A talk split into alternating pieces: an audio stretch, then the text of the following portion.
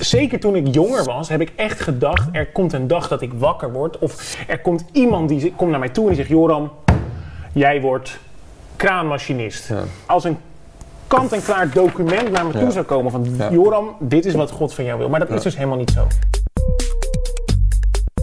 Hoi en welkom bij Denkstof. Elke aflevering bespreken wij een thema dat ons bezighoudt. En ik zeg we, want ik ben Joram en naast mij zit hij, the one and only, the living legend, Reinier Zonneveld. Onze Zo, huistheoloog. mag dat nog even overnieuw? Want het was wel heel... eh, Je kan het gewoon terugkijken op YouTube. Oh, gelukkig. Maak Dat je ga geen ik zorgen. heel vaak terugkijken, denk ik. Ik ben blij dat jij er bent, Reinier, want jij weet dingen en ik niet, dus dat compenseert elkaar goed. Ja. Ehm, jij vroeg mij twee weken geleden, jij belde mij en je zegt van Joram, eh, ik heb een tuin nodig, Ja. wil je me helpen tuinieren? Ja. En ik vond het een beetje een ongemakkelijke vraag eigenlijk, want zo goed kennen we elkaar ook weer niet, dacht Nou, ik. Ik dacht dat wij eh, beste vrienden waren. Maar dan, ja, dan ga ik maar... In de studio, maar, maar goed, ik Ah, dacht van oké, oké. ik ben ook helemaal niet handig, maar het bleek niet te gaan om een tuin voor bij jou thuis, maar Nee. voor hier in de studio. Ja. Dus dit is wat ik ervan gemaakt heb. Wat Ehm, een, wat maar tuin. De vraag van vandaag is: waarom leef ik? Wat is mijn doel? Wat is Gods plan voor mijn leven? En ik had nooit gedacht dat dat me zou leiden tot een tuin. Ik ga het jouw haar fijn uitleggen, Joram. Weet je, want ik zat erover na te denken en ik dacht van ja, het is een van de grootste vragen die er is en een van de moeilijkste vragen. Wat is de zin van mijn leven? Mhm. Maar op bladzijde 2 van de Bijbel vind je eigenlijk al een soort antwoord en die heeft te maken met een tuin. Wat staat daar namelijk? In, in- op de, bladzijde, de tweede bladzijde van de Bijbel zijn we in het paradijs. De tuin van Eden wordt die ook wel genoemd. En er zijn Adam en Eva, twee mensen. En die krijgen een opdracht. De mens, Adam en Eva, die moesten voor die tuin zorgen en er oppassen. Oké. Dat is hun opdracht. Ze moeten voor de bloemetjes eh, en eh, de bijtjes en eh, de, de bomen en weet ik wat, moeten ze zorgen en daar oppassen. En je zou kunnen zeggen dat we eigenlijk nog steeds een soort tuin hebben. Dus een soort gebied waar wij verantwoordelijk voor zijn. Waar Ons je leven. gaat. Ons leven. De plek waar jij gezet bent. En je hebt nog steeds daarvoor de taak om daar op te passen. Dus te, te bewaken en te beschermen wat daar kwetsbaar is. En het goede wat daar is, om dat, om dat te zorgen dat het goed blijft. En dat te verzorgen. Dus allemaal wat erin zit. Hè, dus, dus hier zie je een tuintje. En dat, dat, wa- dat waren eerst allemaal eh, ge- geen bloemetjes. Dat was eerst een beetje een eh, saaie bedoeling. Maar er zat, al die mooie bloemetjes zaten, dat, dat kwam tevoorschijn op een gegeven moment. En dat is verzorgen. Dus je doet er van alles mee waardoor die mooie bloemetjes tevoorschijn komen. Dus dit is iets wat voor ons allemaal geldt. Zorg voor de, je leven, zorg voor de dingen om je heen. Zorg goed voor jezelf, zorg voor de mensen om je heen. Bewaak jezelf, bewaak de mensen om je heen. Bewaken tegen. Nou ja, tegen slechte dingen. Dus Oké. eh, je, je kunt de dingen beschermen wat er goed is op dit moment. Of om het nog iets algemener te zeggen, het doel van je leven is zelf bloeien en laten bloeien. Dat vind ik mooi. Dat is echt zo'n quote voor op Ja. zijn tegeltje, weet je, die bij mijn moeder in de keuken hangt. Eh, Nou, zeg maar eh, eh, dit. Zelf bloeien en anderen laten Dat heb je bloeien. razend snel. Nou, Joram, ik wat, ben- wat ben je daar goed in, Ik man? bloei snel. Nee, maar dit vind ik mooi om even neer te zetten. Dit is gelijk een goede uitspraak. Zelf bloeien en anderen laten bloeien. Oké. Nee, maar dat snap ik. Dat geldt voor ons allemaal. We, we kunnen iets moois zijn in, op ons werk, op school, in gesprekken met vrienden. Maar ik hoor ook vaak over Gods plan voor, voor, voor mijn leven specifiek. Ja. Weet je, wat moet ik doen? Wat is mijn roeping? En we hebben dat ook gevraagd aan ons eigen panel. Weten we dan al wat de- dat plan is? 60% van de jongeren zegt ja hoor. Ik weet wat God van mij wil voor mijn leven. En 40% zegt, joh, Joram, geen flauw idee. Dus dat is best wel een beetje gelijk. Ja. Eh, maar herken je dat? Want ik hoor dat in de kerk altijd van Joram. Nou, niet dat de voorganger dan Joram zegt, maar zo van, er is een plan voor jou. Ja. En hoe kom je daar dan achter?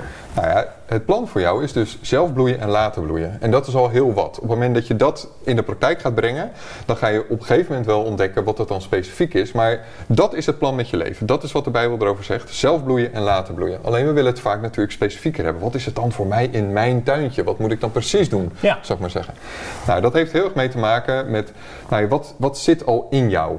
Dus je kunt daar eigenlijk gewoon de vraag stellen: wat vind ik leuk om te doen? Wat, waar, ben ik goed in? Waar geniet ik van om te doen? En dan ben je heel, heel ergens wat. Maar ja, bijvoorbeeld iemand die heel muzikaal is, die kan echt niet in één keer eh, prachtige muziekstukken spelen. Dus het heeft ook alles mee te maken met oefenen. Gewoon dingen doen. Op pad gaan, eh, oefenen, trainen. En op een gegeven moment merk je dat je ergens beter in wordt. En het, dat gaat dus wel met bloed, zweet en tranen. Dus je gaat fouten maken, je gaat, eh, het, het, het, is knullig, het is vermoeiend. Het lukt uiteraard niet in één keer. Maar ik en heb dat hoort erbij. zeker toen ik jonger was, heb ik echt gedacht: er komt een dag dat ik wakker word. Of er komt iemand die komt naar mij toe en die zegt: Joram, jij wordt kraanmachinist. Dat is het eerste wat naar boven komt. Ik geen idee. Eh, maar, maar dat het echt op een dag, zeg maar, als een kant-en-klaar document naar me toe Ja. zou komen van Ja. Joram, dit is wat God van jou wil. Maar dat is dus helemaal niet zo. Er is wel een algemeen plan. Bloeien en laten bloeien, daar gaat het om. En, maar wat er precies uit deze, al deze bloemetjes komt, zou ik maar zeggen, of wat er precies uit jou komt, of uit de mensen in je omgeving komt, dat, dat, daarmee ga je experimenteren. Dat ga je onderzoeken, daar ga je met mensen in je omgeving over praten, doorvragen, wat, wat is er nou, wat, wat heb ik nou te doen, wat, wat zie jij nou in mij? Talent. Je talenten, de dingen die je leuk vindt. En je gaat, en met vallen en opstaan ontstaat er vervolgens een plan, een specifiek plan met jouw leven. Ehm, Hoe is dat bij jou gegaan? Wat, wat heb jij nou gedaan? nou ja, ik vond schrijven heel leuk. Eh, en dat ben ik eerst maar eens eh, honderden keren gaan doen. Dus ik heb honderd artikelen geschreven die allemaal niet zo best waren. Ik heb ze En- gelezen, ja. En op een gegeven moment, nou weet ik veel, een jaar of tien, dan kan je het op een gegeven moment. Oké. Althans, nou ja, laat ik dat maar zeggen. Ja. Dus dat is investeren en, en er gaat tijd overheen, proberen, doorgaan, volhouden. En uiteindelijk heb jij nu het gevoel van dit is wat, wat Gods plan voor mij dan is. En ik probeer daar, ik bloei daar zelf mee, ik geniet daarvan. En ik probeer dus do- do- door die teksten die ik schrijf anderen te laten bloeien. En dat kan op alle mogelijke vlakken, weet je wel. We zijn niet, dit zijn niet allemaal dezelfde bloemetjes. Er Nee, zijn- het zijn echt... eh dus iedereen heeft haar eigen, een eigen manier om in te vullen hoe je zelf bloeit en anderen laat bloeien. Oké, eh, zelf bloeien, anderen laten bloeien. Ja. Tegelijkertijd is het wel de vraag waar veel jongeren mee bezig zijn. En 40% geeft aan het nog niet te weten. Wat is dan dat plan? En ik ben benieuwd of deze jongeren er al achter zijn. We hebben er altijd een paar staan achter ons luikie. Hallo. Hoi. Geloof jij dat God een plan heeft voor jouw leven? Ja, God heeft zeker een plan voor mijn leven, inderdaad. En, en ben je er al achter wat dat plan is? Eh soort van. Ik denk dat voor mij het belangrijkste is, is dat ik gewoon elke dag steeds dichter bij God wil komen. En dan opent God vanzelf deuren. Of waar ik. Of, Deze bijvoorbeeld. ja, bijvoorbeeld deze inderdaad. Ik ben de laatste tijd veel boeken aan het lezen, theologie en dat soort dingen. En dan Oké. ben ik wel meer eh, aan het ontdekken van hoeveel tijd spendeer ik op Instagram en hoeveel tijd praat ik nou met de Zoon van God of met God zelf. Nu wordt het heel confronterend. Eh, doei Marten! Hallo. Hey. Een beetje te lang voor ons hok. Of niet? Ja. Sorry daarvoor. Ja, ik ben het wel gewend. Oké. We hebben het vandaag over Gods plan ontdekken. En Ben jij er al achter wat dat is voor jouw leven? Helaas nog niet. Geloof je wel dat het bestaat? Dat God wel echt een doel voor jou heeft? Als ik de Bijbel lees, dan heeft God gewoon een plan met de wereld. God een plan met iedereen. En ook als ik de brieven van Paulus bijvoorbeeld lees, dan staat er natuurlijk wel dat ja, we zijn hier op aarde om God eh, eer te geven en om eh, Jezus bekend te maken. Ehm, maar wat het dan praktisch betekent voor mij, dat, eh, dat heb ik nog niet ontdekt. Maar je weet het nog niet. Nee. Hoe ga je dat aanpakken? Ja, blijven bidden, blijven Bijbel lezen, God erbij betrekken en dan eh, moet het Top. wel goed komen. Dankjewel Robin. Yes, graag gedaan. Kijk uit van je hoofd. Komt goed. Hallo. Geloof jij dat God een plan heeft voor jou? Zeker. En wat is dat doel dan?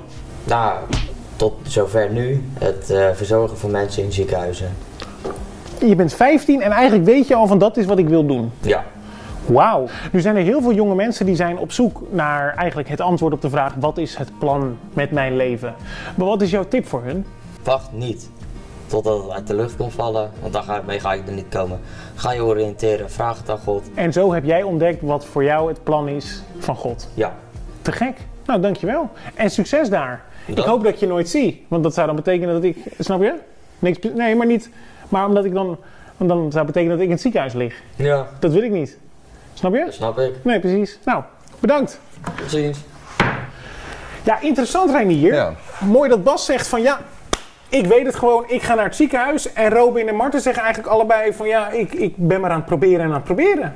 Wat Bas zegt gebeurt niet zo vaak, maar het kan. En, Wel en- wat we allemaal zouden willen, toch? Ja, eh, met, en vaak met het idee van ja, dan, dan ga ik nooit meer fouten maken in het leven. Maar dat gaat natuurlijk wel gebeuren. Ook Bas gaat, gaat eh, moeten experimenteren, ontzettend veel eh, eh, moeten leren. Ook met vallen en opstaan zal het bij hem gaan.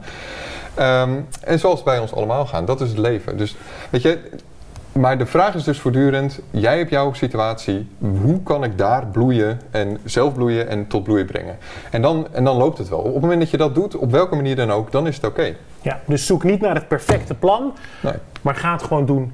Ga aan de slag met de dingen die je leuk vindt. Praat erover met mensen die, je- die, die jou lief hebben. En eh, experimenteer, zet door. En dan, dan ben je goed bezig. Dat is de bedoeling. Dit was Denkstof voor deze keer, Reinier. Ik vond het een bloeiend gesprek. ja, ja, snap je, boeiend, bloeiend. Eh, wij gaan Moest je het hem uitleggen? Weet ik niet, maar nu snapt Oh, iedereen hem. Ik zou niet willen dat jij zit te kijken en de grap niet begrijpt. Goed, tot de volgende keer. Doei. Hoi. Bloei. Mijn hemel.